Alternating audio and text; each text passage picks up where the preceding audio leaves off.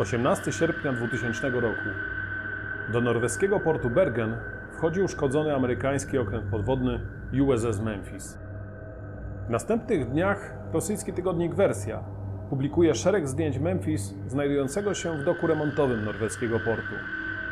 W związku z tymi publikacjami siedziba redakcji tygodnika zostaje dwukrotnie przeszukana przez FSB, jedną ze służb specjalnych Federacji Rosyjskiej. Na jednym ze zdjęć USS Memphis w doku remontowym widzimy bowiem niepozorny namiot, który zakrywa miejsce, w którym powinna znajdować się boja alarmowa okrętu, uwalniana automatycznie w sytuacji awaryjnej. W obecności tego namiotu nie byłoby nic dziwnego, gdyby nie fakt, że boja alarmowa z USS Memphis miała zostać wyłowiona przez okręt rosyjskiej marynarki wojennej ponad 2000 km od norweskiego portu, na Morzu Barentsa niedaleko Murmańska, dokładnie w miejscu, gdzie od kilku dni w wyniku niewyjaśnionych zdarzeń spoczywał na dnie rosyjski okręt podwodny K-141 Kursk, którego marynarze wciąż mogli pozostawać przy życiu, a na powierzchni trwała chyba najdziwniejsza akcja ratunkowa w historii.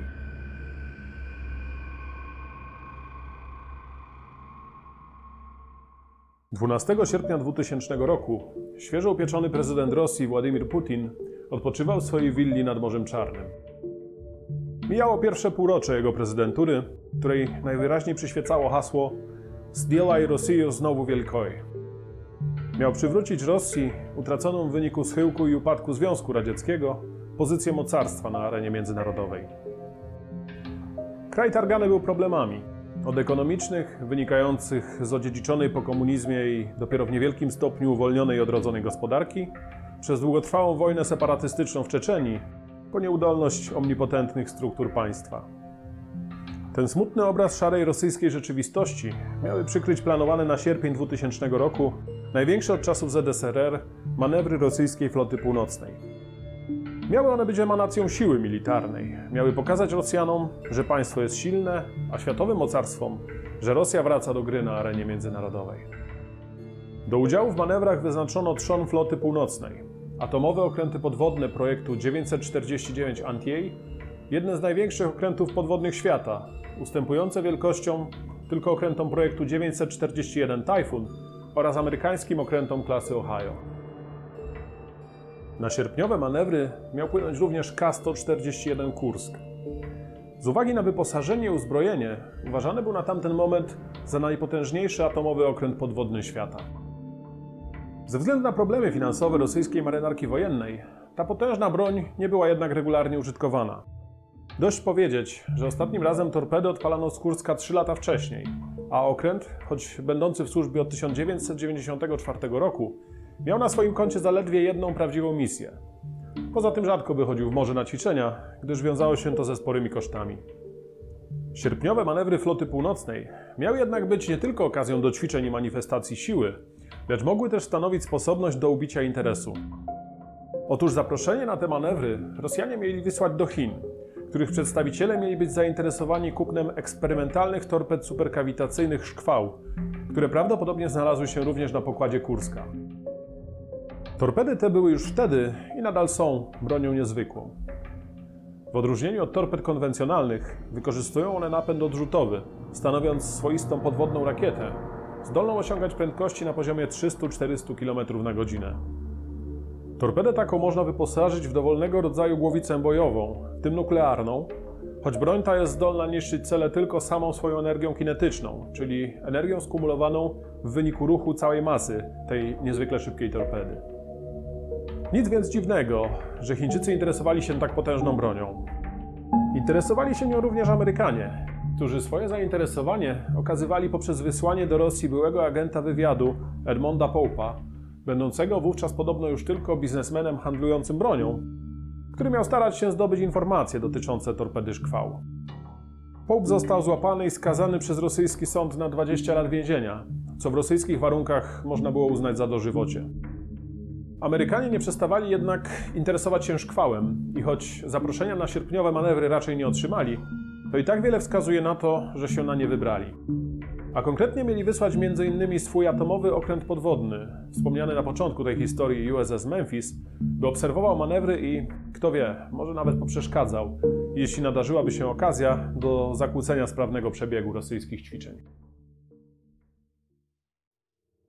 12 sierpnia 2000 roku, godzina 9.00. Kursk melduje dowództwu, że zmierza w kierunku wyznaczonej pozycji. Ma za zadanie podkraść się do okrętów nawodnych swojej floty i odpalić w ich kierunku dwie torpedy ćwiczebne, a następnie zniknąć. Kapitan okrętu podwodnego nie widzi jednak dokąd płynie. W mroku głębin musi polegać na innych zmysłach i metodach, głównie na posiadanych informacjach dotyczących danego akwenu oraz urządzeniach nasłuchowych i wskazaniach aparatury służącej do sądowania otoczenia okrętu. Ta metoda bywa jednak zawodna. W drugiej połowie XX wieku zaczęto bowiem pokrywać kadłuby okrętów gumowymi płytkami, których zadaniem jest nieodbijanie i tłumienie sygnałów wysyłanych przez sonary, a przez to nieujawnianie pozycji okrętu.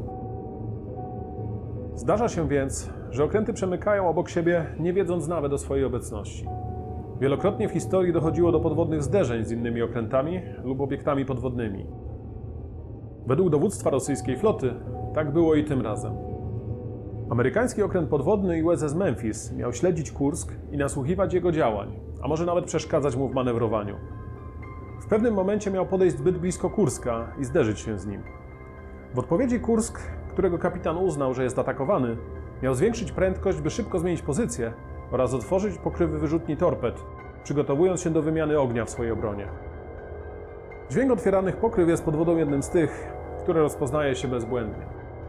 Słysząc ten dźwięk, USS Memphis mógł zinterpretować go jako przygotowanie Kurska do ataku na siebie, na co kapitan Memphis odpowiedział wystrzeleniem torpedy w kierunku Kurska.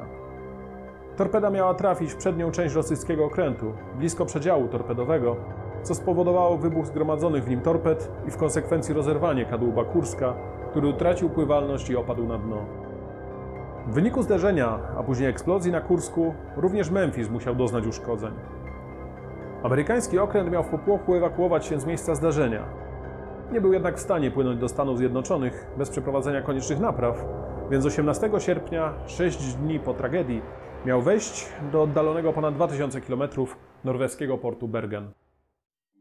Tak mógł wyglądać przebieg zdarzeń, które doprowadziły do zatonięcia rosyjskiego atomowego okrętu podwodnego K-141 Kursk. Mógł, ponieważ jest to tylko jeden z możliwych wariantów. Rosyjscy admirałowie głosili stanowisko, że Kursk zatonął w wyniku kolizji z okrętem NATO lub od uderzenia jego torpedy. O dziwo, całkowicie odmienne stanowisko przyjęły bardzo szybko rosyjskie sfery rządowe. Prowadzący śledztwo prokurator generalny Władimir Ustinow już kilka dni po katastrofie ogłosił, że na podstawie posiadanych przez niego informacji Kursk zatonął w wyniku eksplozji wadliwej torpedy. Skąd wzięła się tak niesamowita rozbieżność stanowisk? I to w Rosji. Czy dowódcy rosyjskiej marynarki wojennej wymyślili historię z udziałem amerykańskiego okrętu, by zamaskować zaistniałe na własnym podwórku błędy i problemy, czując się pośrednio winnymi tragedii? Czy może to sfera rządowa kłamała dla dobra sprawy? Zdając sobie sprawę z powagi sytuacji, w jakiej znalazły się stosunki rosyjsko-amerykańskie, wymyślono wadliwą torpedę, mając świadomość lub wiedząc od Amerykanów, że nie był to atak celowy, lecz nastąpił nieszczęśliwy wypadek. A wszystko to po to, by załagodzić dramatyczną sytuację, która mogłaby w razie odwrotnego podejścia i eskalacji konfliktu doprowadzić nawet do wojny. Natomiast rosyjscy admirałowie, jako ludzie morza, mogli ponad wszystko wykazać się solidarnością ze swoimi marynarzami i nie bać się powiedzieć otwarcie tego, co uważali za prawdę, poruszeni śmiercią swoich ludzi oraz losem tych, którzy wciąż tkwili uwięzieni we wraku na dnie, w lodowatych wodach Morza Barentsa. Jeden ze wspomnianych wariantów mógł być prawdziwy. Ostatecznie dowody obecności USS Memphis w rejonie zatonięcia Kurska nie są niepodważalne. Sprawa Kurska została uznana za tajemnicę państwową, a boja alarmowa z amerykańskiego okrętu, która miała zostać wyłowiona w okolicy zatonięcia Kurska, stanowi informację, której nie jesteśmy w stanie zweryfikować i może być po prostu kłamstwem. Tymczasem tragedia jeszcze się nie skończyła. Niezależnie od przyczyn zatonięcia okrętu, w którego wraku wciąż znajdowali się żywi marynarze, na powierzchni rozpoczęła się chyba najdziwniejsza akcja ratunkowa w dziejach, a eksperci zaczynali drążyć kwestię wybuchowych torped wysadzających własne okręty.